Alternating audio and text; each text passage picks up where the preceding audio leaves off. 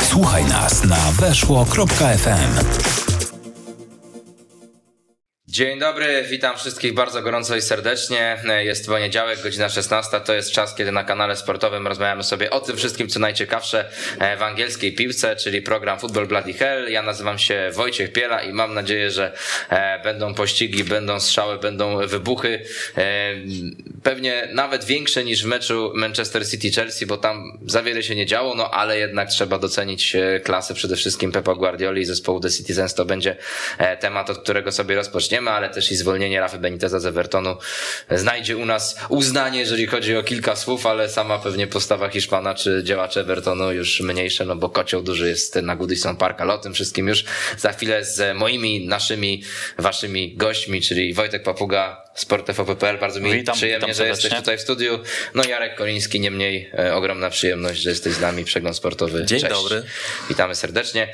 No i możemy sobie rozpocząć od grafiki e, pokazującej serię Pepa Guardioli w Manchesterze City, no bo to, co robi e, Hiszpan, Katalończyk, to jest coś niesamowitego, e, jeżeli chodzi o ligę, no to trudno znaleźć chyba lepszego trenera obecnie na świecie, no bo zdarzało mu się w różnego rodzaju meczach Ligi Mistrzów przekombinowywać czasami, no nie wygrał przecież tego trofeum od wielu lat, no ale widzimy 18 meczów wygranych z rzędu ligowych w 2017 roku, później dwa razy po 15, no i teraz mamy 12 meczów z rzędu wygranych, no i można by było dopisać tak z angielska end counting, no bo e, nie wiadomo kiedy to się wszystko zatrzyma. Takimi meczami chyba rzeczywiście zdobywa się mistrzostwo, no i od tego pytania chciałem rozpocząć, czy według was ktokolwiek ktokolwiek cokolwiek odbierze już Manchesterowi City mistrzostwo, możemy powiedzieć, że Manchester City już na 99,9% jest mistrzem, czy tutaj styczeń, spokojnie, Premier League jest silną ligą, wszystko się może zdarzyć. Między Manchesterem City a Liverpoolem jest 11 punktów różnicy, przy czym Liverpool ma mecz mniej, więc powiedzmy, że będzie 8. No 8 punktów, czyli Liverpool, e, Manchester City do końca sezonu musiałby się potknąć jeszcze co najmniej 3 razy, przegrać 3 mecze. Plus mecz u siebie z Liverpoolem plus mecz u to siebie z Liverpoolem, a rywale, czy znaczy konkretnie Liverpool nie mógłby się już potknąć w ogóle.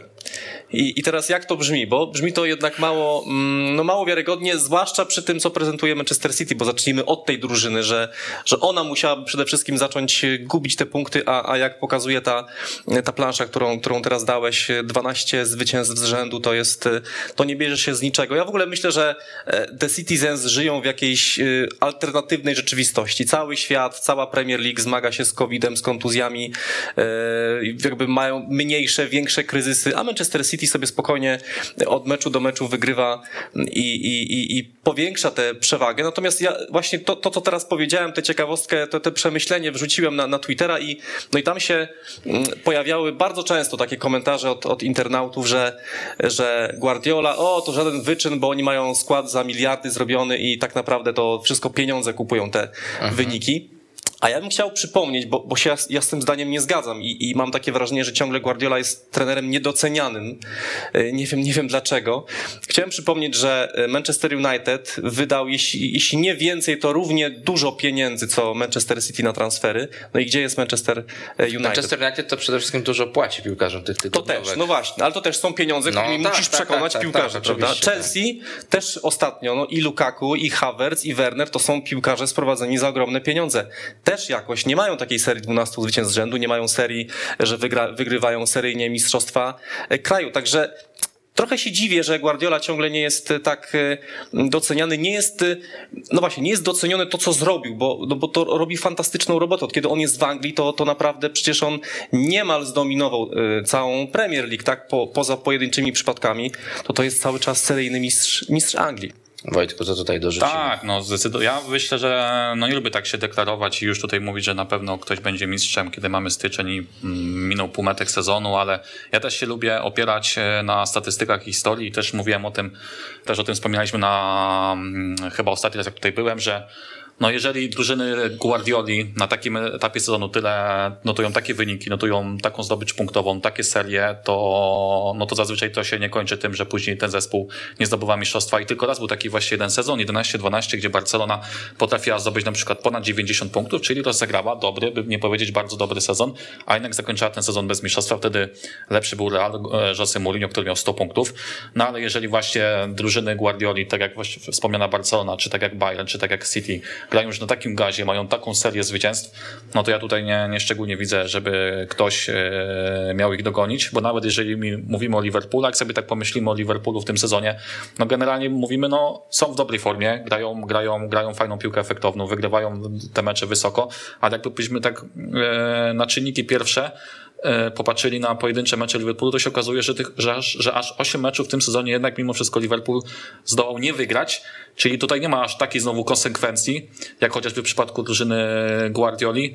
No i na chwilę obecną no nie widzę tutaj poważniejszego zagrożenia. Wydaje mi się nawet, że City tutaj to mistrzostwo może sobie zapewnić spokojnie na kilka kolejek przed końcem sezonu, że tutaj raczej ta walka nie będzie trwała do, do, do tych ostatnich serwier. Mhm. Na czacie mamy e, sondę, możecie głosować, zachęcamy, czy Manchester City będzie mistrzem Anglii. Na koniec e, programu podamy tutaj wyniki, natomiast no podejrzewam, że pewnie e, jednak większość z Was będzie głosowała na odpowiedź tak, no ale oczywiście Liverpool tutaj nie tylko dlatego, że założyłem się taką koszulkę, pewnie nie będzie, nie będzie odpuszczał, ale zachęcamy do, do głosowania i, i oczywiście do komentowania. Natomiast co do Manchesteru City wracając, no to mm, samo spotkanie zasłużone według Was zwycięstwo The Citizens, czy tutaj bardziej byście się skłaniali jednak w kierunku remisu? Znaczy ja przede wszystkim to chciałbym powiedzieć o Chelsea, która mnie mhm. bardzo rozczarowała nie tylko w tym meczu e, teraz z Manchesterem City, ale tem, też w tym pierwszym na Stamford Bridge jesienią, bo to są dwa bardzo słabe mecze Chelsea przeciwko City. W sumie tylko jeden celny strzał w obu tych spotkaniach. To jest ten, ten jeden celny strzał e, zdobyty teraz e, w sobotę. Także Chelsea Chelsea nie wyglądała na drużynę, która jest aktualnym posiadaczem Pucharu Mistrzów. Nie wyglądała na drużynę, która aspiruje do tego, żeby... I to po wygranym finale właśnie z City. Przecież właśnie City, bardzo dokładnie. chwaliliśmy taktycznie Tuchela, że wtedy zaszachował Guardiola. Tak, i tu jestem zdziwiony, bo, bo Chelsea naprawdę wyglądała w tym meczu nie jak aspirant do mistrzostwa, tylko jak drużyna, która przyjechała, e, która chce się bronić, która, która, e, której zależy na tym, żeby, żeby nie zostać jakoś za mocno skrzywdzona i tak naprawdę remis to byłby szczyt, szczyt ich marzeń. Więc tutaj jestem bardzo, e, bardzo zawiedziony. Przede wszystkim tym, co się działo w ataku e, w Chelsea, e, bo mam wrażenie, że tam za dużo teraz jest piłkarzy, którzy są po prostu bez formy. Lukaku jest bez formy, Ziyech jest bez formy, Pulisic jest bez formy, Mason Mount, który nawet się nie łapie do podstawowej jedenastki, jest bez formy, więc tam tak naprawdę nie ma komu strzelić e, gola. Tak jak do tej pory, czy do, do, pewnego momentu robili to e, wahadłowi, wyręczali właśnie e, tych piłkarzy atakujących, tak tutaj nawet ten element został stracony, bo wiemy o tych kontuzjach. Mhm. Mm, Alonso wyglądał przecież fatalnie w tym meczu. Sterling kręcił nim nie, tak. niesamowicie. Więc tutaj naprawdę jestem po prostu rozczarowany, jak bardzo źle Chelsea do tego meczu podeszła, jak bardzo źle go rozegrała. Mhm. No też nie jestem zaskoczony postawą Chelsea. E, no tak rzeczywiście podeszli do tego meczu trochę bardziej na zasadzie, żeby raczej nie szukać tyle e, trzech punktów, co żeby nie przegrać. Bardzo taka wydaje mi się bojaźliwa postawa, zwłaszcza w pierwszej połowie, bo chyba do, do przerwy w ogóle nie oddali żadnego strzału. Tak. I po raz pierwszy że... chyba za Tuchela w pierwszej tak, połowie tak. nie oddali celnego strzału. Tak, i pierwszy raz w ogóle. Znaczy taki... Nawet w ogóle ani tam celnego, żadnego nie tak, oddali. Tak, żadnego, tak, żadnego tak, strzału. Tak, to był w ogóle pierwszy taki przypadek w meczu Chelsea od e, bodajże maja czy kwietnia 2018 i meczu z Newcastle. No i taki było widać brak pewności. Wydaje mi się, że ta drużyna może by zagrała odważniej, z większym przekonaniem, z większą wiarą, gdyby przystąpiła do tego meczu po naprawdę takiej no, dobrej serii mm, w tych wcześniejszych spotkań. Gdyby miała taką serię no, po prostu wygranych, a w, tych, a w, ostatnich, w ostatnich meczach Chelsea jednak za dużo traciła punktów. E, jedno tylko zwycięstwo w ostatnich sześciu czy siedmiu meczach. E, no i tutaj wydaje się, że z, chyba mimo wszystko ze zbyt dużym respektem podeszła do City, no ale tutaj nie było co kalkulować, no bo strata punktów była już na tyle duża, że e, no tutaj trzeba było grać po prostu o pełną pulę i skończyło się takim chyba mimo wszystko najmniejszym e, wymiarem kary. Mhm. W ostatnich 12 e, meczach e, Chelsea straciła, czy wypuściła 18 punktów. I, a ostatnie 12 meczów Franka Lamparda to są wypuszczone 19 punktów. Więc tutaj, jak widzicie, między grudniem a styczniem ta drużyna naprawdę ma jakąś zapaść już po raz kolejny, czy to z jednym, czy z drugim menedżerem. Oczywiście jestem daleki od stwierdzenia, że posada Tuchela chwieje się tak samo jak Lamparda i zostanie zwolniony, bo jednak ma w banku e, To zdobyczy dobrze, Puchar po, Mistrzów. po, po termometr leci.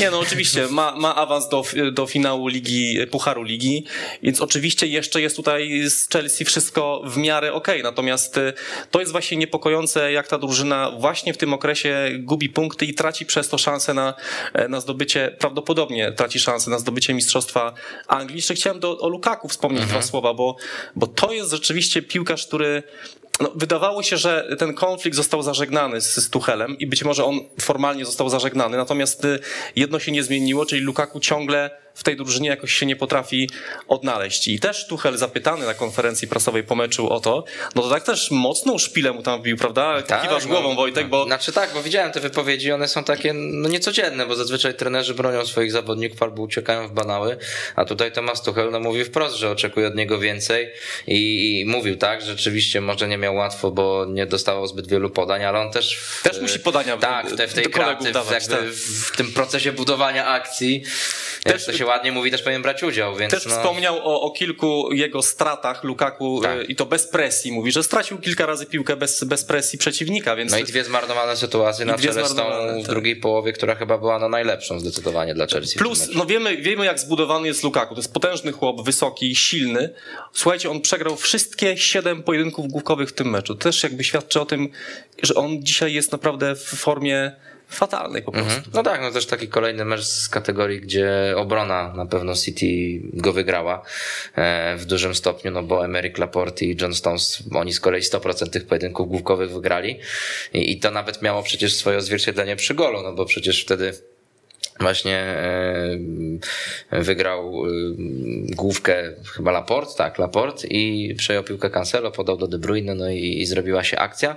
Natomiast też e, mm, warto tutaj docenić to, co zrobiło City w ofensywie, no i też jakby tutaj taki był widoczny kontrast między tym, co pokazywała Chelsea, a co pokazywało City, bo no, Thomas Tuchel nie, nieoczywisty skład z przodu posłał, prawda? No on tych trzech bohaterów finału Ligi Mistrzów zostawił na ławce rezerwowych, czyli Havertza, Wernera i Masona Mounta. Oczywiście wiemy, że Werner Havertz najlepszego sezonu nie mają, no ale na przykład to, że Mount na ławce już było dla mnie trochę zaskoczeniem.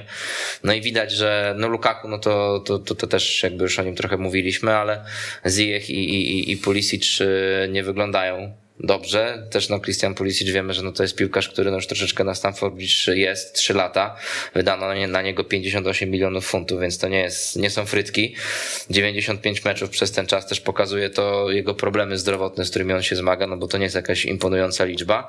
I, w tym meczu też często tę grę spowalniał. Były takie momenty w pierwszej połowie, kiedy Chelsea próbowała wyjść szybszym atakiem z własnej połowy, no to on tak bezpiecznie odgrywał piłkę do środkowych pomocników i, i, i, i tak naprawdę e, drużyna City mogła się wtedy ustawić lepiej. Natomiast jak spojrzymy na, na ekipę Guardiola, to tam Grealish, Sterling, e, całkiem zwłaszcza Sterling niezły wiatr robili. Natomiast Foden może trochę mniej widoczny, on całkiem nieźle wyłączony, jeżeli chodzi o, o posiadanie piłki przez Thiago Silva, natomiast on z kolei bez piłki robił bardzo dobrą robotę, bo też przy tym golu, no to on robił ten pressing na kepie, co spowodowało, że on wybił piłkę no nie jakoś mega dokładnie, wygrał główkę Laporti i to, co się później stało, to już mówiłem. W ogóle, jak widziałem taką statystykę, że e, mm, bramkarz Chelsea to chyba był najsłabszy jego mecz w tym sezonie pod kątem e, procentowym dokładności podań, wybicia, że, że tylko chyba 55% miał dokładności e, podań Kepa i to właśnie był efekt tego, że ten Foden cały czas tam podchodził do tego pressingu i mm, no koniec końców to, to też e, burzyło troszeczkę szyki Chelsea w tym meczu. No tak, mów Wojtek. To tak, być może trochę było tak, że ta, to, ja- to jakich piłkarzy wystawił w wyjściowym składzie, mówimy o tych piłkarzach stricte ofensywnych, e, Tuchel może stanowiło jakieś zaskoczenie, ale z drugiej strony, gdybyśmy sobie tak mieli przeanalizować, pomyśleć na chłodno, którzy piłkarze ci ofensywni, Mount, Pulisic, Ziyech, Lukaku, Verlen, Havertz i tak dalej, Hudson, którzy tak naprawdę grają w tym sezonie dobrze, to nie wiem, może Mount ok, w porządku, ale reszta? No raczej grają poniżej Znaczy oczekiwań. oni, reszta ma takie jakby... To, to, Zrywy ma. Zrywy. No właśnie, tak, nie ma tak. takie To pokazuje pewna, tyle, pewna statystyka, bo y, Tuchel y, 11 razy zmieniał parę, która grała za plecami Lukaku, co, co pokazuje właśnie, że żaden piłkarz nie potrafi na tyle być w dobrej formie, żeby utrzymać miejsce w składzie na dłużej. I to, i to jest właśnie, podobno Tuchel jest bardzo, bardzo tym zaniepokojony i tym zawiedziony, że ci piłkarze właśnie mają zrywy. Ma trzy mecze dobre, potem są cztery słabsze i on tak naprawdę nie może może jednego składu ustawić kilka razy, żeby oni się, żeby to się zazębiło, żeby ta trójka z przodu współpracowała na, na coraz lepszym poziomie, żeby się coraz lepiej rozumiała, tylko musi co chwila rotować na tych pozycjach i to też nie sprzyja pewnemu, e, pewnemu zgraniu. Także to jest e, duży problem. Natomiast jeśli chodzi o Kepę, to akurat on zagrał, jeśli chodzi, no okej, okay, celność podań to, to jest może mankament, ale generalnie zagrał dobry mecz. Trzeba przyznać, że parę razy obronił dobre sytuacje i i to jest też taki, myślę, dla niego dobry czas, żeby pokazać się pod nieobecność Mendiego, no bo on albo musi, no nie, musi walczyć o, o swoje po prostu, no bo to jest jednak bramkarz, nie wiem czy ciągle najdroższy. W historii czy, tak. Chyba tak. tak, tak chyba nie ma. No właśnie, 75 kosztował czy 80? Jakoś tak. 80. No, więc to mówiło... dla, dla Chelsea myślę, że to też jest dobry moment, żeby go pokazać i może ewentualnie spróbować latem jeszcze spieniężyć, bo też nie sądzę, żeby to... No żeby... tak, ale to widzicie, też mówimy o tych transferach Chelsea, tak, no Pulisic dużo kosztował, na razie średnio odpalił, Kepa jeszcze chyba gorzej, tak, więc no nie wszystkie te wielomilionowe transfery zawsze się sprawdzają, a co do formy tych zawodników właśnie ofensywnych, no to taka falująca y, analogia no do, do polskich skoczków by się nasuwa, że też Jakub Wolny jeden skok dobry, potem pięć słabszych, Andrzej Stęka to samo, no i koniec końców jest taki, że oni nie, nie jadą na Igrzyska Olimpijskie, więc Chelsea, jak się mówiąc kolokwialnie, nie ogarnie poziomem, no to też na wiosnę przyjdzie do meczu w Lidze Mistrzów, przyjdzie do, do, do tych decydujących spotkań, czy w Pucharze Ligi, czy w Pucharze Anglii i, i, tak naprawdę, okej, okay, Liga wiemy, że to jest bardzo trudna do, do wygrania, no to coś może Jurgen Klopp o tym powiedzieć, przecież e, był taki sezon, kiedy Liverpool przegrał jeden mecz w sezonie, e, 97 punktów, a i tak ten Guardiola okazał się lepszy. Natomiast na pewno warto, aby, no zwłaszcza w takim klubie jak Chelsea, gdzie presja na menedżerze jest ogromna, żeby co sezon jakiś ten dzbanek przysłowiowy dokładać. Nawet jak to ma być Puchar Ligi, okej. Okay. Ale teraz przed nimi finał. Wiemy, że zagrają albo z Liverpoolem, albo z Arsenalem, więc na pewno ten mecz łatwy nie będzie. No i, i jest presja, żeby go wygrać. Nie no, zdecydowanie tak. Tutaj Tuchel musi, musi jakiś puchar e, zdobyć. Wiadomo, że powtórzenie sukcesu sprzed roku no, będzie bardzo trudne. E, ale, ale ja, wracając na chwilę do, do, tych, do tych atakujących piłkarzy Chelsea, to ja największe pretensje i największy żal do Tuchela mam o to, że nie nie odblokował Wernera i nie odblokował Haverca. To, to Bo oni wyglądają piłkarzy... gorzej, mam wrażenie, niż pod koniec zeszłego Też sezonu. Mi się tak wydaje. A wtedy to był taki okres, gdzie mówiliśmy taki rokujący, ta końcówka tak. zeszłego sezonu, ten finał Ligi Mistrzów, gdzie oni odegrali ważne role, ale mówiliśmy, okej, okay, fajnie, ale przyszły sezon to dopiero zobaczymy. No i nie widzimy. Pamiętajmy, że, że tak naprawdę Frank Lampard stracił posadę również między innymi dzięki, czy przez to, że nie potrafił sprawić, że Havertz i Werner dobrze się wkomponowali w drużynę, bo no Abramowicz łatwo sobie pomyślał, no wydałem tyle pieniędzy na dwóch zawodników i oni tak naprawdę nie, nie grają tego, co powinni. I przyszedł niemiecki trener, bo to też ma e, znaczenie. Mhm. Havertz i Werner są Niemcami. Mogą się jakoś ze swoim trenerem, ze swoim rodakiem e, porozumieć i ciągle e, ci dwaj piłkarze nie prezentują tego, co, co powinni. Według mnie to, to jest jeden z głównych y, problemów y, Chelsea w tym momencie. Mi się wydaje, że być może też jakiś problem Chelsea jest w sferze powiedzmy kwestii mentalnej, bo jakbyśmy zobaczyli sobie na przykład na to, jak Chelsea prezentowała się powiedzmy jeszcze gdzieś mniej więcej do listopada y, i jak kończyła mecze, które zazwyczaj wygrywała, to były to mecze na zero z tyłu, czyli powiedzmy mecze, w których no, oni ponosili strat, w których gdzieś ta gra od początku się po ich myśli układała. Kiedy strzelali na 1-0 była ta druga, trzecia bramka, ale popatrzcie się, w meczach teraz, seria ostatnich 10 meczów, Chelsea tylko raz e, zachowała czyste konto w tych 10 meczach i to było meczu z Wolverhampton, gdzie skończyło się to spotkanie bezbramkowym remisem, czyli no nie wygrali. I to są takie mecze, w których jeżeli Chelsea traci bramki, no to ma problem, żeby, żeby, żeby, no zdarzało się oczywiście, że wracała do gry, ale ma problem z tym, żeby te mecze wygrywać. I w takich sytuacjach, kiedy Chelsea musi gonić wynik, czy też no generalnie szukać trzech punktów, punktów, no to e, tutaj musi liczyć na tych piłkarzy ofensywnych. Popatrzcie się, ile też Chelsea nastrzelała tych bramek, ile, myślę, to też było gdzieś takie trochę e, jakby zakłamanie pewnej rzeczywistości, że Chelsea dużo wygrywała na, na bazie tego, że wyjątkowo skuteczni byli obrońcy. Ile mhm. goli strzelali obrońcy? Rudiger, Silva, James, zwłaszcza mhm. Chilwell. Teraz obrońcy już tak nie będą strzelać, nie tak będą dopisywać, a ten problem z napastnikami, z piłkarzami stricte ofensywnymi cały czas gdzieś istnieje. No i właśnie od tego momentu, gdzie Chelsea jednak regularnie traci bramki, to Chelsea ma problem z wygrywaniem, bo jeżeli Chelsea traci gole, to Chelsea tych meczów, tych meczów no, no nie wygrywa. Mhm, no to prawda, natomiast teraz myślę, że skupimy się akurat na takim meczu, gdzie goli nie brakowało w odróżnieniu do starcia City Chelsea, Aston Villa Manchester United 2 do 2.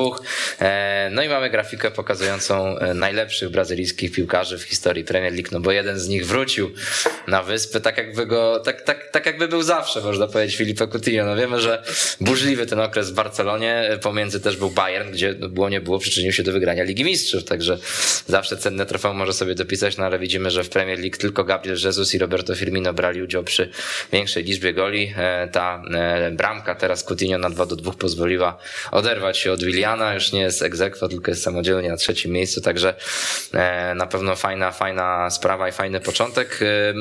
Za czasów gry w Liverpoolu pamiętam był taki mecz w Lidze Europy, kiedy strzelił po takim solowym rajdzie gola dla Derec Filipe Coutinho i wtedy Liverpool wyeliminował Manchester United, ale to była Liga Europy, natomiast jeżeli chodzi o Premier League ani jednego gola, ani jednej asysty, a tutaj 14 minut potrzebował, żeby już to swoje konto otworzyć już w nowych barwach. Co prawda też element Liverpoolu cały czas jest, no bo wiemy kto Aston Villa prowadzi, ale dzięki można powiedzieć przyjściu tego Brazylijczyka, no to odżyła cała druga linia Aston Villa, bo Emiliano Buendia zagrał dobry mecz i też oni razem wymieniali kilka podań, już przecież też brali udział przy tych golach, to co też pokazuje, że oni mogą grać razem na boisku być może, bo też była taka debata, że no jak Buendia to nie Coutinho, jak Coutinho to nie Buendia, okazuje się, że mo mogą też współpracować. No ale przede wszystkim Jacob Ramsey, ten młody piłkarz, którego już tutaj parę razy chwaliliśmy, natomiast do tej pory tak, może nie, że na wyrost, ale mówiliśmy o nim, że to może być ktoś, kto zacznie odgrywać ważną rolę w zespole Aston Villa po przyjściu Gerarda, czyli też oczywiście kogoś, kto może być dla niego mentorem pod kątem gry na tej samej pozycji. No to tutaj rzeczywiście to też był dla niego taki mecz, gdzie on no coraz głośniej światu, przynajmniej temu angielskiemu się przedstawia, no bo został wybrany zawodnikiem meczu i wydaje się, że jak najbardziej słusznie. Także chwalimy Coutinho, ale to, co jest dobre dla Willi, to to, że on nawet właśnie nie był najjaśniejszą postacią w tej drugiej linii, tylko inni zawodnicy też pokazali, że mogą być dobrzy. Czy to jest taki piłkarz, dzięki któremu wszyscy idą do góry? To, to też mi się tak wydaje, że, że to, to jego przejście sprawiło, że od razu każdy na treningu, bo to tak działa, przychodzi duży piłkarz do klubu i ty chcesz nawet przed nim trochę pokazać i, i po prostu dajesz na, na treningu jeszcze z siebie więcej. Trzeba ja... będzie do Matiego Kasza znowu przedzwonić, zapytać się, czy na przykład, nie wiem, 150% teraz daje z siebie jak Coutinho. I ja jestem, jestem przekonany, że Buendia, ten jego świetny występ, chyba najlepszy w barwach Aston Villa w tym sezonie, to jest zasługa właśnie przyjścia Coutinho, bo on sobie zdaje sprawę, że jeśli on nie będzie teraz dojeżdżał z takimi, z takimi występami jak teraz, to po prostu grzęźnie na, na ławce, bo, bo Coutinho to jest właśnie jego pozycja, czyli taki reżyser e, gry. Także fajnie to wyglądało. Ja w ogóle bardzo się cieszę, że Coutinho wrócił do, do Premier League, bo szkoda go było, e, no bo, bo czarował nas w Premier League fantastycznymi zagraniami w Barcelonie czas zupełnie stracony i jestem przekonany, że, że przyszedł do Aston Villa tylko dlatego, że jest tu Steven Gerrard. Mi się wydaje, że to, to jest mhm. jednak ta jakby postać. Był, jakby był Dean Smith, to wątpię. Chyba, tak, chyba, chyba go nie przekonałby Dean Smith. Także naprawdę w ogóle super to wygląda teraz u Aston Villa, bo kupili sobie znakomitego też lewego obrońcę Dinia, który był ostatnio ok, w słabszej formie i miał swoje problemy z Rafą Benitezem, o czym jeszcze będziemy mówili. Oczywiście. Natomiast ogólnie przecież jest to super, super zawodnik, super lewy obrońca, więc takich dwóch grajków w oknie transferowym styczniowym pozyskać, to naprawdę tutaj czapki z głów przed Gerardem. Tak, no dobrze stało się dla Coutinho, dla całej ligi, że, że taki piłkarz e, będzie grał teraz w Premier League. Być może rzeczywiście te angielskie klimaty, klimaty Premier League mu służą i tutaj e, po prostu jest skazany na to, żeby jeżeli ma być w takiej naprawdę formie i pokazywać te swoje najlepsze umiejętności, to właśnie na Wyspach, no bo przecież takim swoim prime, jeżeli mówimy o jego występach w Liverpoolu, no to to był może top 3, top 5 piłkarzy w ogóle na całą ligę. E, no ale oczywiście no też myślę, tutaj nie masz tak jeszcze specjalnie co wylokować, czy, czy jak ta jego powiedzmy przygoda potoczy się, bo on też no, na przykład e, jak zaczynał w Barcelonie w 2018 roku, to te pierwsze pół sezonu miał takie całkiem przyzwoite, tam 8 goli w lidze. Był piłkarzem raczej pierwszego składu i też miał takie całkiem pozytywne wejście. Pamiętamy też, jakie oczekiwania były względem niego, kiedy trafił do Bayernu Monachium, jak tam piłkarze wypowiadali się z Lewandowskim na czele. Bardzo pochlebniał Coutinho o jego postawie na treningach, że widać, że to piłkarz klasy światowej, że e, no tak wiele sobie po nim oczekują, że to będzie piłkarz, na którego liczą bardzo, który będzie robił różnicę na boisku Nata przygoda z Bayernem była taka powiedzmy przeciętna, ale rzeczywiście wejście mega, no i rzeczywiście tak jak mówiłeś Wojtek, w końcu strzelił Manchesterowi w lidze za ósmym podejściem, a De Gea strzelał w trzech różnych rozgrywkach, bo jeszcze strzelił kiedyś w lidze mistrzów w Barcelonie. Tak, właśnie. tak, to w tym właśnie okresie, co ty mówisz, że tak, chwilę po transferze. Świeżo, tak. Pewnie dlatego zapamiętałeś. ale y, też y, a propos tego, kogo zmienił właśnie Coutinho, czyli Morgana Sansona, który akurat popełnił duży e, błąd przy drugim golu Bruno Fernandesza, to też to, to, co ty Jarek mówiłeś, że tutaj muszą się zawodnicy w środku pola pilnować, bo Sanson wystarczył, już zrobił błąd, 4 minuty minęły, już, już, już był gotowy Coutinho, także ten Buendia lepiej niech takich błędów nie robi i to będzie grał i, i razem z Coutinho rzeczywiście może to fajnie dla Aston Villa wyglądać, natomiast e, jeżeli chodzi o Manchester United, no to tak jesteśmy przy tych środkowych pomocnikach, to e, o Donym Van de Beeku powiem, bo była taka zabawna dosyć historia, ale też taka, taka bym powiedział, no z domieszką trochę żenady, czyli ten wpis y, twitterowy, oficjalny konto chyba Manchester United dało taką grafikę, że 50. występ Donego Van de Beeka w Manchesterze United i tam gratulacje, a, a na dwie minuty. Y, no, cóż tutaj można powiedzieć, no, dwa, taki dwumecz mieliśmy Aston Villa z Manchester United i mimo tego, że no koniec końców jakbyśmy to punktowo tutaj oceniali, no to są cztery punkty dla, dla United, awans też w pokaże Anglii, no to nie powiemy, że jakoś znacznie lepiej się Manchester United zaprezentował. Takie mam wrażenie, że no to zwycięstwo w środku tygodnia, no to takie bym powiedział, no też dużo trzeba zawdzięczać znowu Dawidowi De Gei. No a tutaj też no Emiliano Martinez raczej nie zwykł popełniać takich błędów jak zazwyczaj, poza, nie wiem, może Elangą, który no powiedzmy dał jakiś taki sygnał, że jak na przykład Marcus Rashford dalej będzie chodził taki nadąsany, no to, to taki Elanga może go wygryźć. No to niewiele możemy pozytywnego powiedzieć. No mi się wydaje, że względem meczu e, tego w Pucharze United tutaj na Villa Park może zagrało ciut lepiej. Spodziewałem się trochę po Aston Villa więcej, zwłaszcza w pierwszej połowie, że oni wyjdą po tym, co zaprezentowali na Old Trafford, gdzie naprawdę tworzyli sobie sytuacje. Były takie okresy e, w tamtym meczu pucharowym, że tworzyli te sytuacje seryjnie, że myślałem, że wyjdą z taką większym, większym przekonaniem, większą odwagą, z większą parcią, żeby, żeby od początku gdzieś szukać e, gola. A Manchester próbowałem odgrzebać, kiedy ostatni raz United nie wygrało meczu w lidze, prowadząc dwiema bramkami tak do 77 minuty. No nie mogę znaleźć, nie wiem, czy to nie był jakiś... Siedziałeś do a, na które, a na którym się zatrzymałeś roku?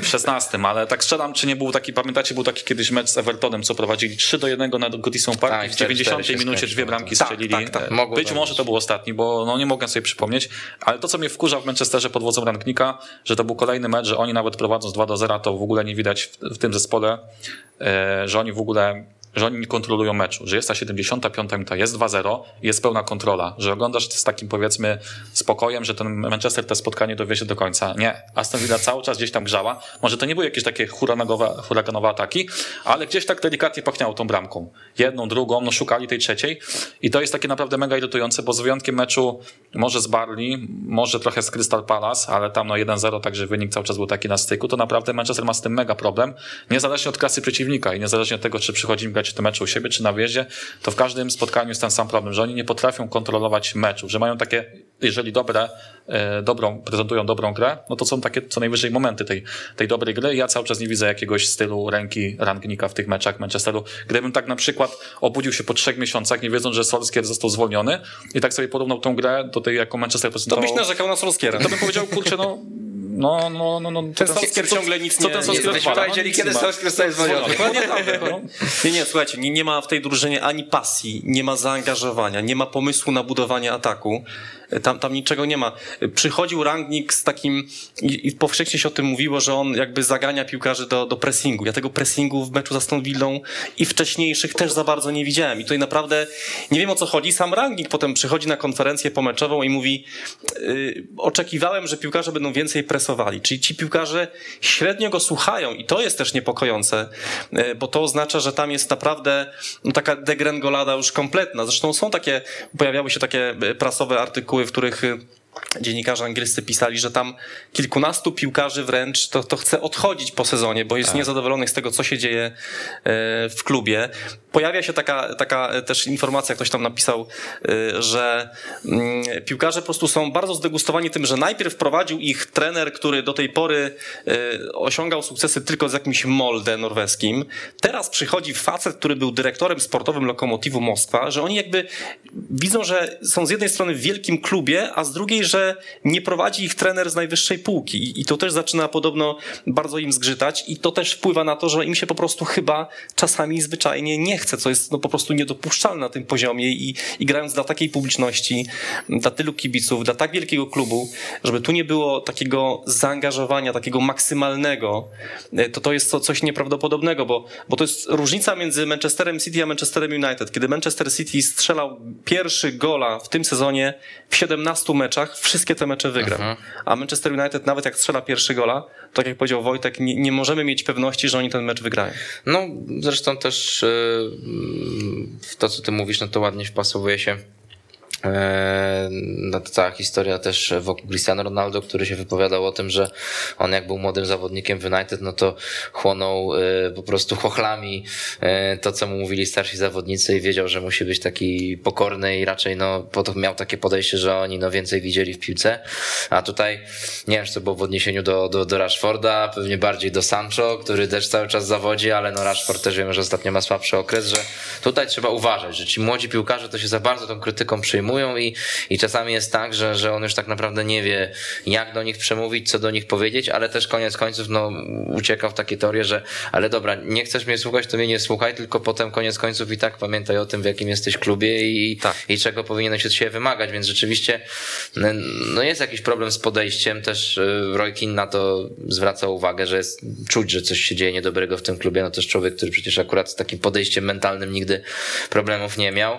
No i też y, no dookoła jest taka aura tymczasowości, tak, no bo y, Ralph Ranking wiemy, że jest cały czas tym menadżerem z dopiskiem interim, e, nie wiadomo co się stanie latem, mówi się, że może zostanie Mauricio Pochettino trenerem, ale to już się mówi po raz dwudziesty, także mówmy się, że na razie to są tylko spekulacje, piłkarze też nie wiedzą, no i też nie wiadomo jak te drużyny budować, no bo sam Ranking mówi o tym, że no chciałby jakichś transferów, choćby mówi się o Amadu Hajdarze, że do, do środka pomocy zawodnik z Lipska, reprezentant Mali, e, chciałby Ranking, żeby trafił. No też teraz sytuacja nie jest łatwa, no bo on przebywa na Pucharze Narodów Afryki, więc to, to trochę utrudnia negocjacje, ale też e, dochodzą takie głosy z wewnątrz klubu, że oni bardziej się nastawiają na to okienko letnie, jak już będzie nowy trener, jakieś nowe otwarcie, no i wtedy choćby też o Bellinghamie czy Declanie Rice nawet się mówi, czyli rzeczywiście no ten środek pola jest wskazany jako takie miejsce, które trzeba usprawnić, ale no, no, no, no kibicom na pewno nie może się podobać takie podejście, żeby ten sezon tylko, no nie wiem, co dograć, dociągnąć, no Manchester cały czas jest w Lidze Mistrzów, cały czas gra o Puchar Anglii, no to są cenne, ważne trofea. Wiemy, że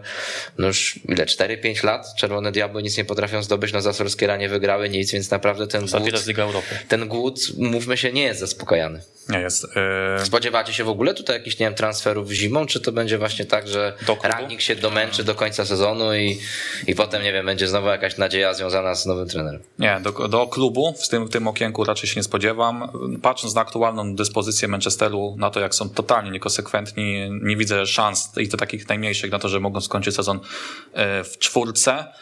E, tak jak też mówiliście właśnie o tych wszystkich niby tam konfliktach i to, że piłkarze są nieprzekonani do metod treningowych. Mówiło się chyba nawet o 17 piłkarzach, że jest niezadowolonych. 17, tak, tak, Teraz ta tak. cała sytuacja z Marcjalem. Ciekaw jestem, e, tutaj, gdzie tutaj jest e, jakby więcej prawdy w tym, czy rzeczywiście tak Rangnick mówił, jak, jak, jak mówił. To może powiedz o co chodzi, bo może nie wszyscy widzowie wiedzą o co chodzi. Tak, no Marcel chce odejść z klubu, tak. Rangnick chciał go uwzględnić w kadrze meczowej na najbliższe spotkanie z Aston Villą, ale Marcel powiedział, że, że nie chce. Że nie chce i... I dwóch bramkarzy usiadło na ławce rezerwowej, tak. bo Marsjal to nie miejsce chciał. zwolnił. Tak, tak. Powie, I tak powiedział Rangnick. I potem Natomiast oczywiście w mediach Marsjala... społecznościowych Marsjal poinformował, że nigdy nie odmówił gry w Manchesterze United. I nie odmówiłby z szacunku dla klubu, dla kibiców. No ja jakby oczywiście nie znam prawdy, ale intuicja podpowiada mi, że bliżej prawdy jest jednak Rangnick. Tak mi się wydaje. No Marsjal też wielokrotnie pokazał swoją mową ciała, swoim podejściem do meczów, że no, że jest myślami jednak gdzie indziej. I w tym Manchesterze chyba mu trochę coś nie pasuje. I coś mi się wydaje, że powiedział tak Rangnickowi, że nie chce być, ale potem nie wiedząc, że trener to pójdzie z tym do prasy, no przestraszył się e, reakcji kibiców i musiał się jakoś bronić. Tak mi się wydaje. Jak gdybym obstawiał, bo to oczywiście jest tylko, tylko moje zgadywanie. Także e, to, to jest kolejny, kolejny problem, a przypominam, że e, Marsjala to chciał już Mourinho sprzedawać z tego klubu, tylko nie dostał pozwolenia i widzimy, oczywiście Marsjal potem miał jeden super sezon za, za Solskiera, ale generalnie to z tym Marsjalem właśnie Manchester został i z paroma innymi piłkarzami został i tak sobie właśnie teraz próbuje coś tam wygrywać i nie wygrywać. Trochę tak będzie, że chyba jak Marsjal odejdzie, cały czas naj, takim bardziej wystrzałowym wspomnieniem to będzie ten debiut z Liverpoolem, co też pokazuje, że no, Właśnie. no później jakby rozniecił oczekiwania tym debiutem, trochę tak jak Coutinho teraz zastąpili, no i na pewno Coutinho by nie chciał, żeby to tak pozostało jak w przypadku Martiala, no ale no wiecie, z piłkarzy historia United, Francuza przykra. z piłkarzy United wydaje mi się, że właśnie Martial na przestrzeni ostatnich powiedzmy sezonu dwóch zaliczył taki największy regres, bo on przecież w tym sezonie pandemicznym strzelił 23 gole we wszystkich rozgrywkach. Tak. Właśnie o tym E, sezonie mówiłem, Tak, tak. dwa- sezon, czyli sezon 19-20. Dobrze mówię? Tak, sezon 19-20, co, co Bruno przyszedł. E, No i to był taki jego najlepszy sezon indywidualnie, bo on nigdy do 20 goli nie, nie dokręcił i popatrzcie się, przychodzi kolejny sezon, on tam strzelił raptem 4 gole. Tak, jest taki to kompletny Tak. jakby... No i w tym sezonie, no co prawda tych meczów mało grał, ale tak jak sam mówiłeś, no, ta mowa ciała, zresztą ta mowa ciała też już była, mm, nie była przekonująca dużo wcześniej, też w innych sezonach, jakichś tam pojedynczych meczach. Eee, No i w tym sezonie jest też, no kiedy już był też na tym boisku, to specjalnie jakoś nie dał argumentów trenerowi, żeby częściej na niego stawiać, 10 meczów, jeden gol.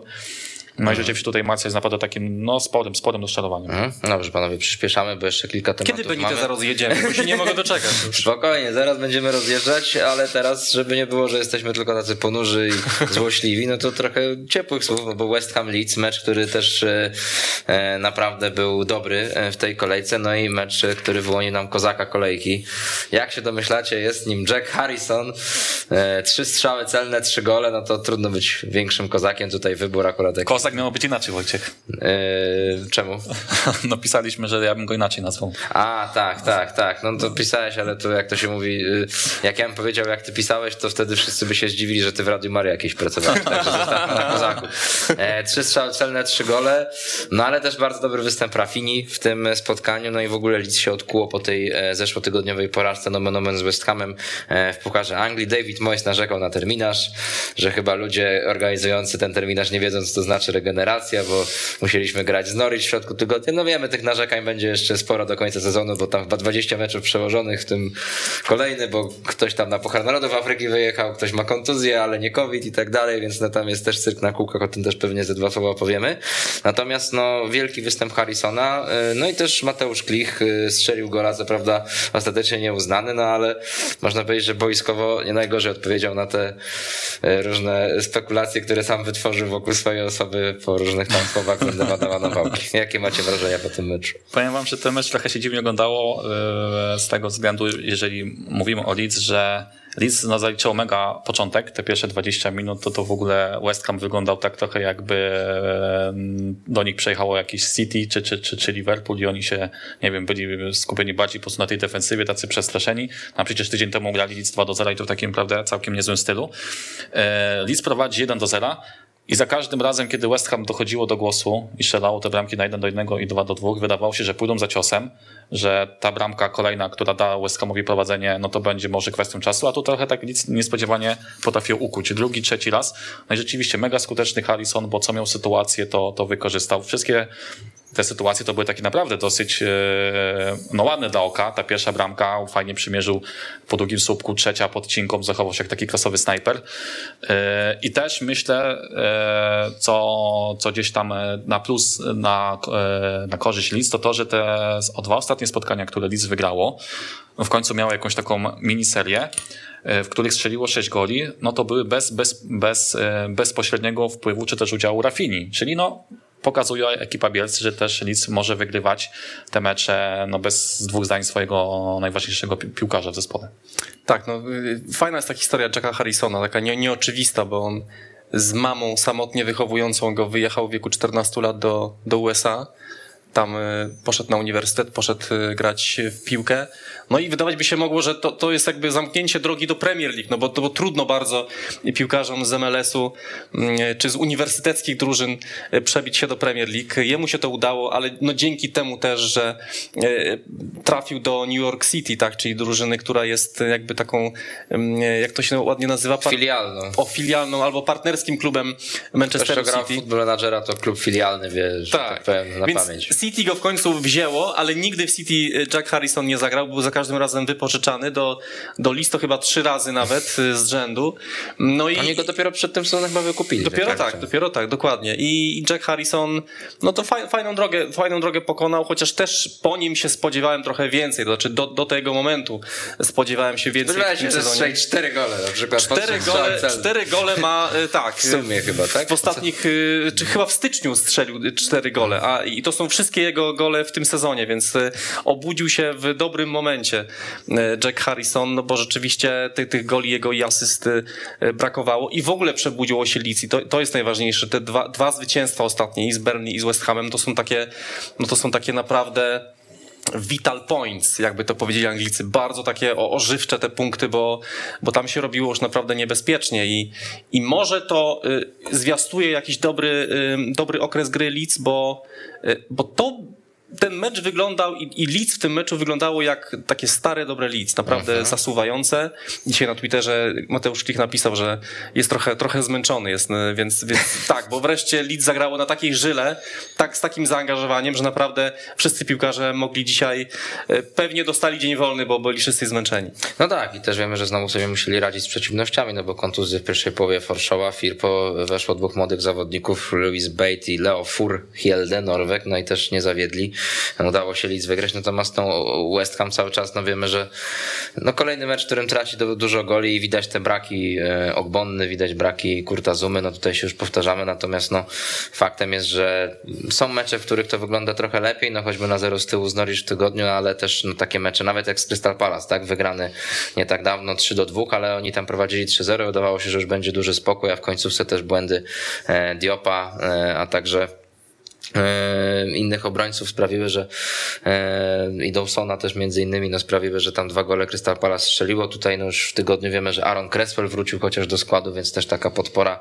ostoja defensywy, no ale w sumie Łukasz Fabiański w ostatnich pięciu meczach aż dziewięć razy musiał wyciągać piłkę z siatki, więc no nie jest to najlepszy bilans jak na West Ham, aczkolwiek no tak jak mówiliśmy, no kadra cały czas za wąska, takie mecze się będą zdarzać, zresztą David Moyes sam już chyba kilkanaście dni temu przyznał, że no to jest niemożliwe, że my do końca sezonu na trzech trzech frontach będziemy dobrze walczyć, no bo jeszcze jest Puchar Anglii do tego, więc e, no zobaczymy jak to się ostatecznie rozwikła, natomiast to jest ten moment, w którym przechodzimy do Evertonu i zaczynamy oczywiście grafiką, bo jest grafika pokazująca y, y, dramat Evertonu w tym sezonie, 19 punktów zaledwie po 19 kolejkach. Ale on jest, patrzy na te punkty. Tak, i no, tak chyba patrzy niżej, tak, tak rozmarzony trochę, ale można też powiedzieć, że zdenerwowany Rafa Benitez. W ogóle muszę wam powiedzieć, że od sezonu 2004-2005 to jest najsłabszy wynik Evertonu na tym 5, etapie sezonu.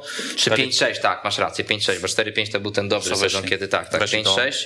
No ale już, już jakby bardzo szanuję pracę naszego grafika, więc nie chciałem, żeby tam łupał jeszcze więcej tych y, sezonów na grafice. Wystarczy 10 ostatnich i widać, że no szału w Evertonie nie było. Mm, no stało się to, co się właściwie miało stać już od kilku tygodni. Pamiętam, rozmawialiśmy nawet w tym programie, że jak Everton nie zacznie zaraz wygrywać, no to Rafa Benitez prawdopodobnie posadę straci.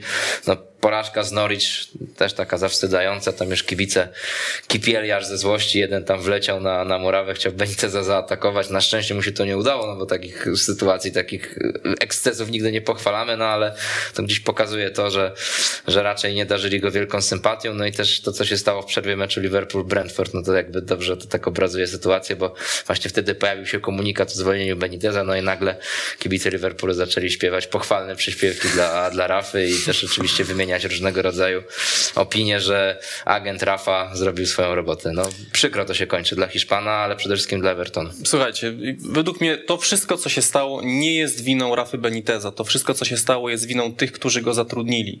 Zacznijmy od tego, że Rafa Benitez nigdy nie powinien zostać zatrudniony przez Everton, ponieważ jest Liverpoolczykiem, w sensie jest, jest czerwony. I, i, widać było od początku, że kibice po prostu nigdy go nie zaakceptują. Kiedy pracujesz w takich warunkach, bardzo ciężko jest ci naprawdę, musiałbyś no, spektakularne sukcesy, spektakularne wyniki osiągać, żeby y, przechylić kibiców na swoją e, korzyść, więc zawsze miał Benitez pod górkę, a kiedy zaczęły się e, problemy, to już w ogóle wszyscy wsiedli na nim strasznie. No przecież ten konflikt z Lukadiniem, który posadzony jest na ławce rezerwowych, wstaje do rozgrzewki i stały stadion wstaje z nim i bije mu brawo. No to jest ewidentne pokazanie trenerowi, po której stronie jesteśmy.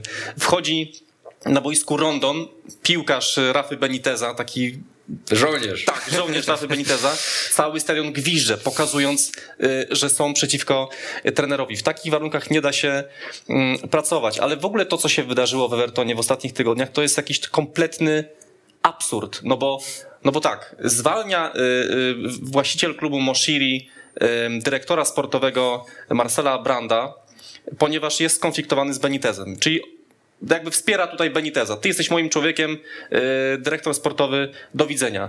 Jest konflikt z, Luka, z Luką Diniem, bardzo ważnym piłkarzem, jednym z kluczowych piłkarzy Evertonu.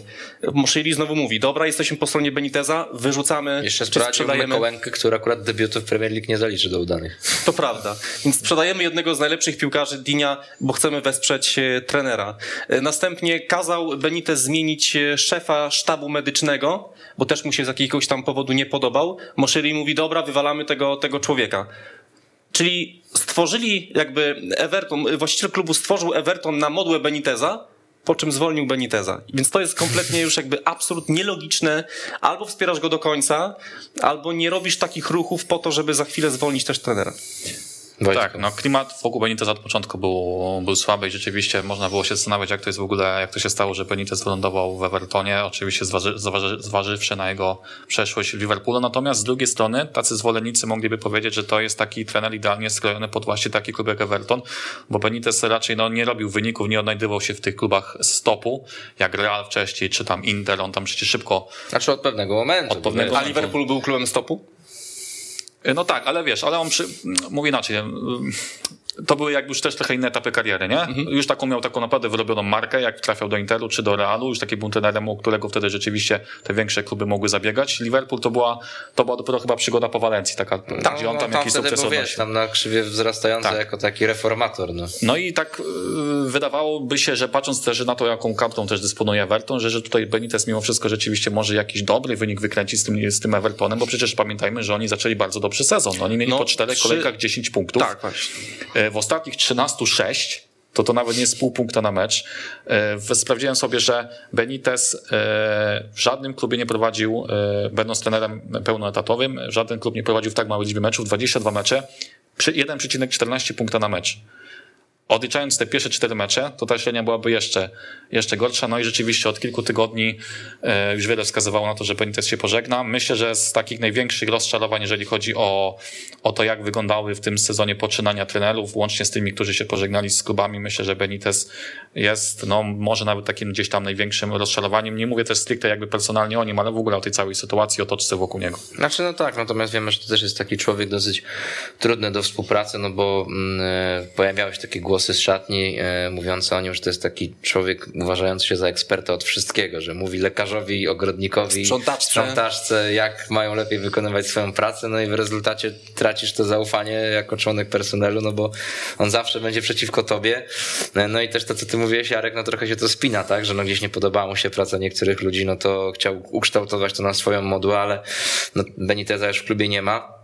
Natomiast też e, no nie do końca zawsze te jego decyzje, mam wrażenie, były trafne, zwłaszcza jeżeli chodzi o zestawienie defensywy, no bo jednak Everton tracił mnóstwo goli, też no nawet teraz w tym spotkaniu, tak no te gole bardzo łatwo tracone, no kiedy e, no wiadomo, to jest tylko debiut Mykołęki, tak samo tutaj też chcemy mimo wszystko tonować nastroje. W przypadku e, Coutinho, no to też w przypadku Mykołęki, jakby nie, nie powiem, że to będzie na pewno zły transfer, no ale jeżeli ogrywacie z taką łatwością jedno z większych rozczarowań do tej pory sezonu, czyli Josh Sargent, no i to przecież on wrzucił piłkę do środka, no i Michael King gdzieś tam tak pokracznie strzela do własnej bramki, no to raczej to nie jest y, idealna defensywa.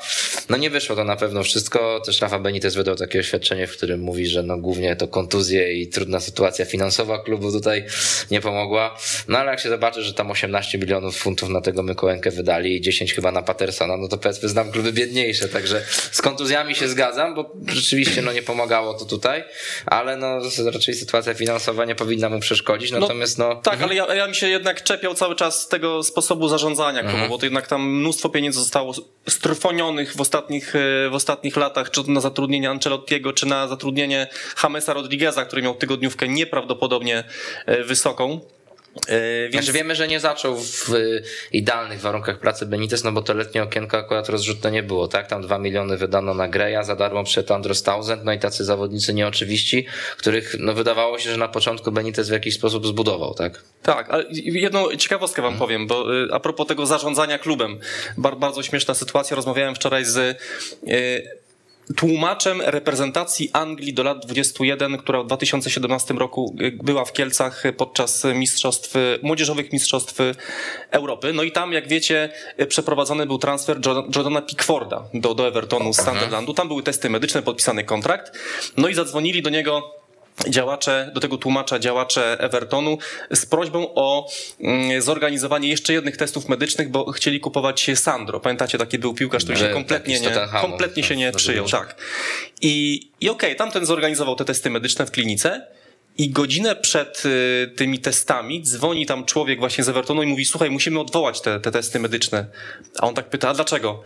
Bo właśnie się zorientowaliśmy, że reprezentacja Hiszpanii mieszka w Gdańsku i, i tego piłkarza nie przetransportujemy tak szybko e, do Kielc. Także to od takich małych rzeczy niestety rzecz, potem tak. się duże, duże robią No dobrze, no w każdym razie wiemy, że Beniteza nie ma, natomiast Everton y, będzie żył jakoś i musi nowego trenera teraz wybrać. Kogo byście widzieli? No dzisiaj e, choćby takie już coraz głośniejsze informacje o Roberto Martinezie, że to mógł być taki wielki powrót y, selekcjonera reprezentacji Belgii, tylko no oczywiście to nie będzie proste, no bo jakoś się musi dogadać z belgijską federacją, a znamy to z autopsji że e, pewnie Belgowie by nie byli zachwyceni, gdyby tak uciekł nagle i zresztą tam się pojawiają też takie, to na The Athletic bodaj był tekst, e, informacje, że no mógłby jakoś próbować łączyć te, te dwie posady, natomiast no pewnie też by to było dosyć karkołomne i trudne, w każdym razie no nazwisko duże, no ale też i Wayne Rooney robiący furorę z derby w Championship, no piłkarz, e, były piłkarz Evertonu i na początku i na końcu swojej kariery też się Lucien Favre pojawia, no i Duncan Ferguson, ten legendarny, który tam był i przy Ancelotti Ancelottim i przy Benitezie i wcześniej też przez chwilę sam prowadził jako caretaker i kto wie, może taki człowiek właśnie z duszą Evertonu jest teraz potrzebny. Jak wy to widzicie? Ja bym bardzo chciał zobaczyć jednego kandydata, ale najpierw ty Wojtek powiedz, którego byś chciał. Którego bym chciał? No, no właśnie nie Albo wiem, kogo bym chciał. Albo... Wykluczyłbym Runeja mimo wszystko, zważywszy na sytuację, w jakiej znajduje się derby. Przecież on tak też bardzo e, podkreślał to e, chociażby na początku sezonu, kiedy tam zarząd komisaryczny mhm. 21 e, punktów im e, odebrał, że, że, że, że no, wiedzą w jakiej są sytuacji i tym bardziej no, nie może zostawić tak klubu, klubu, klubu na lodzie, bo wtedy rzeczywiście derby no, byłoby w sytuacji jeszcze, jeszcze trudniejszej. Także, ale no, to, w pewnym sensie Lunej mógłby być takim rzeczywiście gdzieś profilem, powiedzmy, trenera, też z przeszłością na, z przeszłością na to, że on tak grał w tym klubie z wychowankiem. Może byłby gdzieś tam skrojony. Ja bym mimo wszystko tak na 100% nie wykluczył, że jakby na przykład teraz Ferguson poprowadził w tych kilku meczach e, zespół i tam jakieś wyniki zanotował całkiem przyzwoite, to może by został do końca. On był tym trenerem tymczasowym przed Ancelotti. Tak. Kilku meczach i tam takie wyniki były całkiem, no, całkiem sympatyczne. Pokonali w fantastycznym stylu, chyba 3 do 1. 3, tak, tak, zremisowali, mecz, super też mecz. zremisowali z United mm -hmm. Trafford, także też bym tutaj nie wykluczył, natomiast trudno mi tak wskazać Ten mecz, przepraszam, tylko się przypomina ten z United na Old co Moise Kena chyba tak wpuścił tak. i go potem tak, ściągnął, tak. tak. jest taki obrazek, ten Moise Ken taki smutny w ogóle do szatni schodzi, nie? To też a propos tych transferów, no Moise Ken, no to co tam w ogóle był za gość, nie? A miał być taki super. Jarku, jaki jest twój marzony kandydat? Kurczę, ja bym chciał Runeja zobaczyć. Runeja Naprawdę, chciałbym, oczywiście zgadzam się z tobą Wojtek, że to może być trudne, chociażby dlatego, że on nie porzuci derby. Z drugiej strony, pamiętajmy, no jednak ma małe doświadczenia, ten bałagan posprzątać może, potrzeba Też tutaj... Gdzieś widziałem, mm, niektórzy mówią o Franku Lampardzie, no to też już taki się robi dyżurny kandydat powoli, bo on miał być i w Norwich i, i, i, i, to, co, to, co pamiętam, ty mówiłeś, tak, że on zawsze gdzieś tam na końcu jednak wycofuje się czy wycofuje. No Coś to, mu nie pasuje, tak, projekt tak. mu nie pasuje. Też byłby pewnie ciekawy, tak, no bo też na tego Lamparda gdzieś czekamy w końcu, żeby no po tym okresie w Chelsea, który mimo wszystko dla mnie jest nieoczywisty, ja nie ocenię go jednoznacznie negatywnie, no żeby poszedł do jakiegoś klubu i też jakby dalej potwierdzał tę swoją klasę, którą w Chelsea też no, pokazywał w niektórych meczach, że to może być niezły trener. Ale ja do, dokończę wątek Runeja, bo tak, przede wszystkim od razu na dzień dobry odzyskałby zaufanie kibiców bo no, to było zupełnie przeciwieństwo Beniteza, tu nienawidzony przez nich, a tutaj no, przecież wraca ich legenda. Mm, to, to jest raz. A dwa, przecież zauważmy, że Runej tak naprawdę robi świetną robotę w derby. To, że oni są na przedostatnim miejscu, no to głównie jest efekt tego, że właśnie odebrali im 21 punktów. Gdyby dodać te 21 punktów, to oni są w środku stawki ze składem, który jest naprawdę słabiutkim, gdzie derby nie może dokonywać transferów właśnie przez e, kłopoty e, finansowe. Teraz odszedł od nich Fit Jagielka, czyli taki też bardzo ważny zawodnik zawodnik, dobry duch szatni, doświadczony piłkarz i nie można nawet w jego miejsce sprowadzić nikogo innego. I Runej mimo wszystko wykręca tam naprawdę znakomity wynik, jak na te warunki, w których się porusza, więc pod tym względem jestem bardzo ciekawy, jakby sobie poradził, ale to może być rzeczywiście trochę jeszcze za wcześnie. I perspektywa tego, że mimo wszystko jakby, jakby nie popatrzeć, oni mają całkiem realną szansę, żeby się jednak utrzymać. To w nie jest, to nie tak, jest no. taka znowu strata jakaś, Tak. nie jest szczególnie du- duża, tym bardziej, że tam tych meczów się rozgrywa w, w Championship mnóstwo, 46 meczów, mhm. także ponad jeszcze 20 kolejek No, i oni, ciekawe, oni regularnie zbierają też punkty. No i tak jak mówisz, byliby w, w środku tabeli, gdyby nie te Mhm. problemy. O Liverpoolu mieliśmy troszeczkę porozmawiać, ale... Ale to e, dwa zdania. Nie, znaczy, to, to myślę, że ja mogę to zamknąć, tak? Jak to się mówi, koszulka wskazuje, nie, bo y, sam fakt o tym jakby mówi, że, że ten mecz z Brentford no, udało się wygrać dosyć na spokojnie i raczej to nie jest wielkie zaskoczenie, chociaż też na pewno pozytywna sprawa po tym spotkaniu z Arsenalu w środku tygodnia, które no, było takie niepokojące. Tam Liverpool przez większość czasu grał e, e, z przewagą jednego zawodnika, nie potrafił sobie zbyt wielu sytuacji stworzyć, chociaż w końcówce miał jedną taką mino, nie trafił na pustą bramkę. Tutaj trochę się zrehabilitował. Co ciekawe, asystował mój Firmino, o którym się mówi. Dzisiaj czytałem, że latem e, może odejść z Liverpoolu, dołączyć do Barcelony za 16,5 miliona funtów. To też jest pokłosie tego, że całej tej trójce ofensywnej Liverpoolu się kończą kontrakty e, na koniec e, następnego A. sezonu. No i co do Salaha i Mane, wiadomo, że jest duże ciśnienie takie coraz większe, zwłaszcza w przypadku Salaha, żeby w końcu się dogadać i tę umowę przedłużyć, bo mm, jakby uspokajał też Jurgen Klopp w zeszłym tygodniu, mówiąc, że nie, tu nie macie się co martwić, na pewno się dogadają, tu Mohamed Salah jest y, bardzo związany z Liverpoolem, też Egipcjanin udzielił y, jakiejś wypowiedzi, w którym mówił, że chciałby, chciałby bardzo zostać i kolejne trofea dla Liverpoolu zdobywać, ale no to już się zaczyna taki okres niebezpieczny, no bo zazwyczaj jak już masz na przykład, nie wiem, rok do końca kontraktu, już nie mówię pół, no to takich wielkich piłkarzy tracisz, no tak jak trochę Mbappé w PSG teraz, tak, że oni mu chcą zaoferować kontrakt już tylko po to, żeby cokolwiek na nim zarobić, jak odejdzie do Realu. Tak, Pogba też, to samo. Pogba to samo, więc no tam zegar tyka i e, no wiemy, że to tam na pewno jest kwestia też pieniędzy. No mówił Salah o tym, że e, ludzie w klubie wiedzą, czego oczekuje, że nie są to tam jakieś... Crazy stuff. Nie są crazy stuff, no ale jak sobie porównamy choćby nawet ile Sancho zarabia w United, gdzieś tam według niektórych doniesień to jest 350 tysięcy funtów tygodniowo, a Salah w Liverpool ma mieć 200 tysięcy, no to Sancho, Salah, no to mówmy się, że jest, już nie mówię o Ronaldo, który ma tam 510 Salah podobno. chce dostać 200 tysięcy? Nie, ma. Ma, a chce chciał, no, 400. chciałby pewnie ze 400, bo Tak. chociaż, chciałby chociaż Sancho przebić, ty no. Ciężko chyba, będzie, chyba, chyba, chyba by wypadało, także no zobaczymy jak to się będzie rozwijać, a co do Brentford, no to dzisiaj ciekawa informacja, że chcą Christianowi Eriksenowi zaoferować kontrakt do końca sezonu, więc no trzymamy kciuki, gdyby się to rzeczywiście udało, taki powrót e, na boisko, oczywiście Duńczyka, e, no to, no to byłaby to wielka, wielka sprawa. On ostatnio trenował na obiektach swojego klubu Odense, w którym jak był młody, no to grał w latach 2005-2008, więc też taki sentymentalny powrót. Wiemy, że we Włoszech nie, mógł, nie mógłby grać ze względu na wstawione urządzenie wspomagające pracę serca, no ale w Premier League przepisy są troszeczkę łagodniejsze, więc trzymamy kciuki na pewno za powrót Eriksena, czy to będzie w Brentford, czy nie, ale akurat właśnie względem Brentford, Brentford takie informacje się pojawiły. Natomiast jeśli Eriksen przyjdzie do Brentford, to prawdopodobnie nie będzie wciągnięty w aż taki wir walki o utrzymanie jak Kieran Trippier i Chris Wood, którzy wzmocnili Newcastle, no i też troszeczkę o meczu Newcastle-Watford, no bo to była taka bezpośrednia walka y, o utrzymanie. Mamy grafikę pokazującą mecze, w których Newcastle obejmowało prowadzenie w tym sezonie, no i jakimi wynikami to się kończyło, bo to jest dosyć ciekawa statystyka, zresztą też odnosząca się do tego ostatniego spotkania, bo znowuż Newcastle na prowadzenie wyszło za sprawą Alana Sam Maximena, ale gol w końcówce Joao Pedro e, sprawił, że trzech punktów e, nie zdobyli e, podopieczni Diego Hała, tylko jedno takie spotkanie wygrane z Berlin, no i to jest zresztą jedyne spotkanie wygrane w tym sezonie.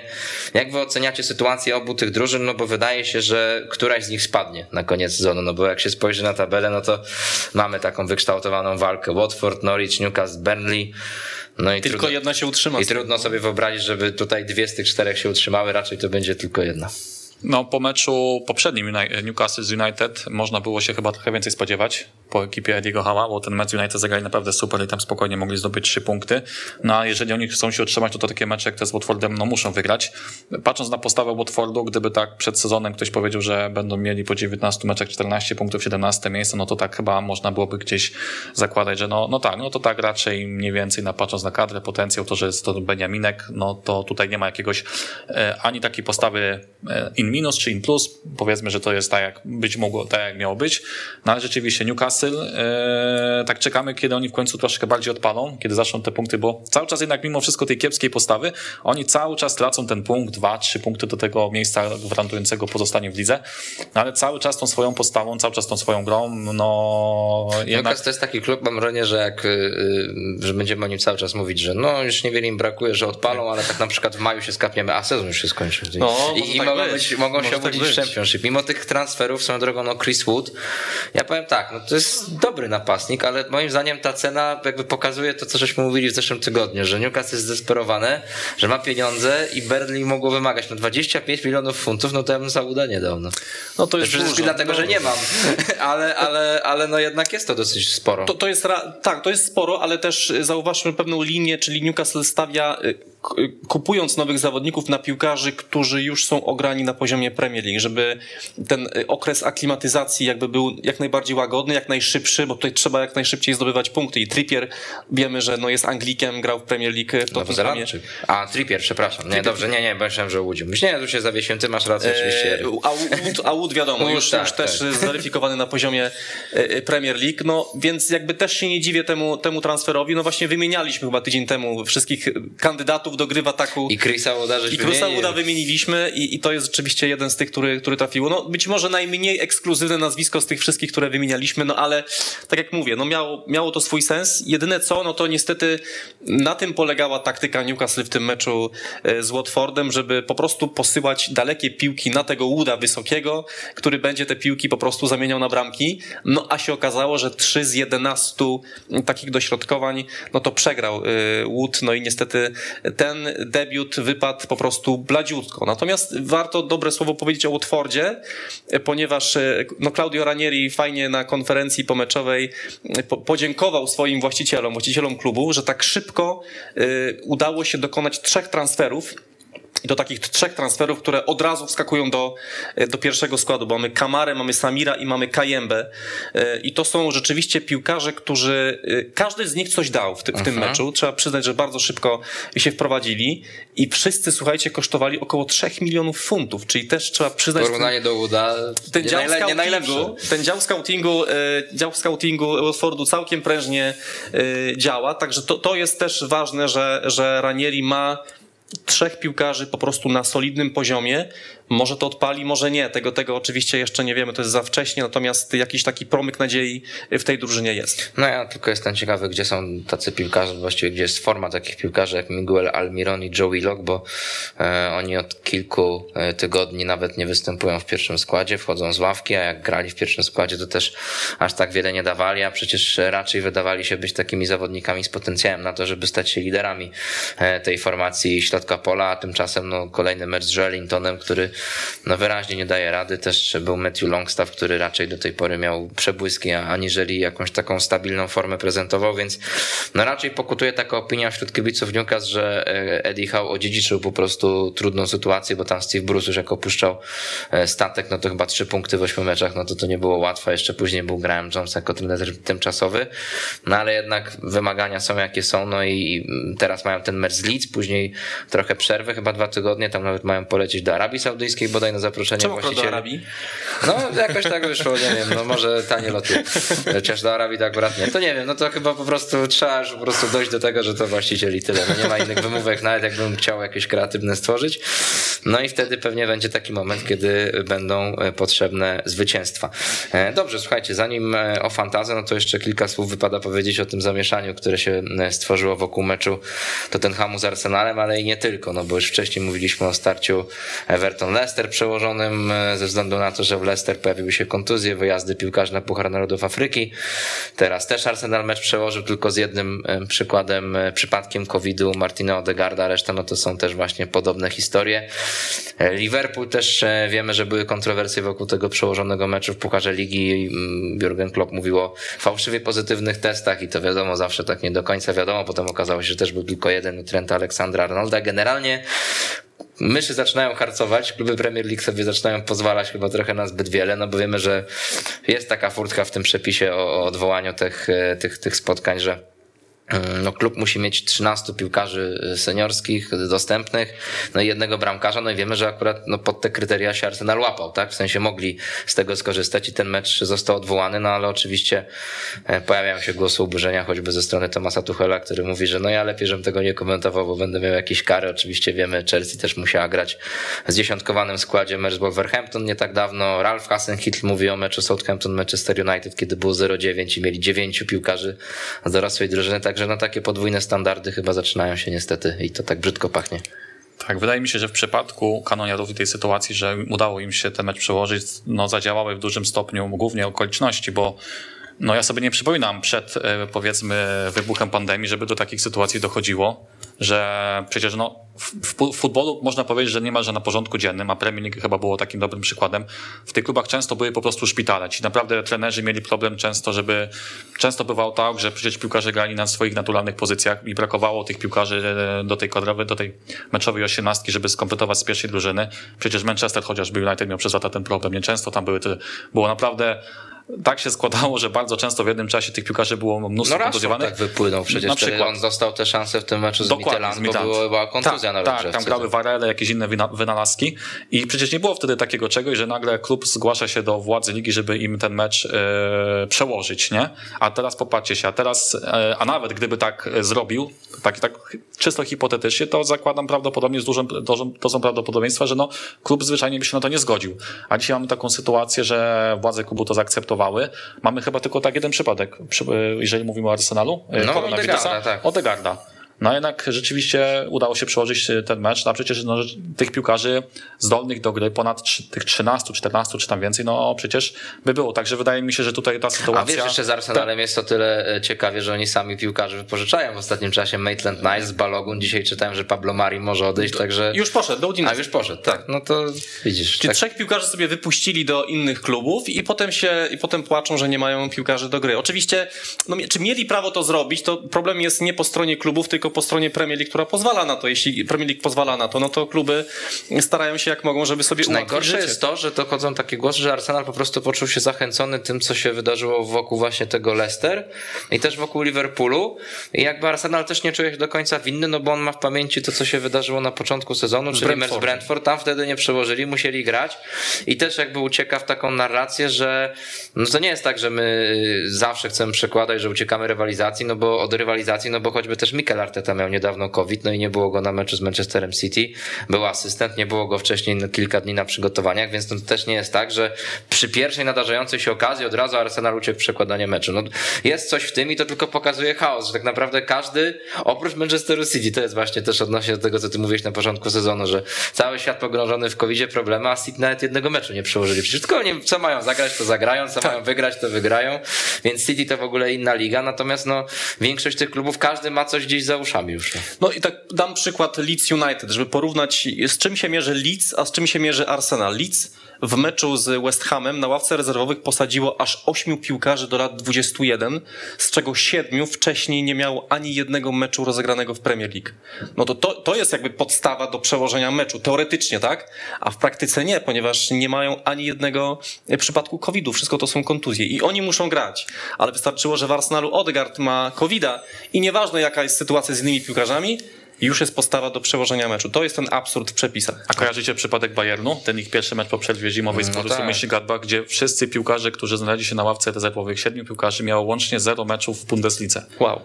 I władze mówiły, macie grać. No i grali. I tak powinno być. No to teraz też ostatnio ta, ta ławka rezerwowych Liverpoolu, tam ktoś wyliczył, że średnia numeru na koszulce to była 37, więc to też tak trochę pokazuje, że, że może taki na przykład Minamino to się z niezłej strony pokazał, Oxlade, teraz swoją drogą Oxlade to też taka jego kariera w Liverpoolu w pigułce, że coś tu dobrego zrobił, od razu kontuzja musiał zejść, że może oni coś tam z tym Brentford dali, ale generalnie to pewnie Jurgen Klopp by tak nie chciał, żeby nie wiadomo jak długo trwała ta absencja Salaha i Mane, więc no są swego rodzaju problemy problemy, no i Tottenham oczywiście wściekły i mówił o tym, że no przecież jak my mieliśmy problemy, to nam meczu nie chciano przełożyć wtedy chyba z Leicester, dopiero przełożyli na prośbę Leicester, ale na przykład my już nie mogliśmy odkręcić sytuacji, musieliśmy oddać Walkowera w meczu z Renno i nie wyszliśmy z Ligi Konferencji Europy. Jakby te prestiżowe rozgrywki nie były, no ale jednak fakt jest fakt, no i i tutaj każdy się może przerzucać argumentami. Ja mam tylko taki apel do wszystkich ludzi mądrzejszych ode mnie, ogarnijcie się, no bo y, sytuacja jest taka, która no nie służy lidze, którą tak przecież kochamy.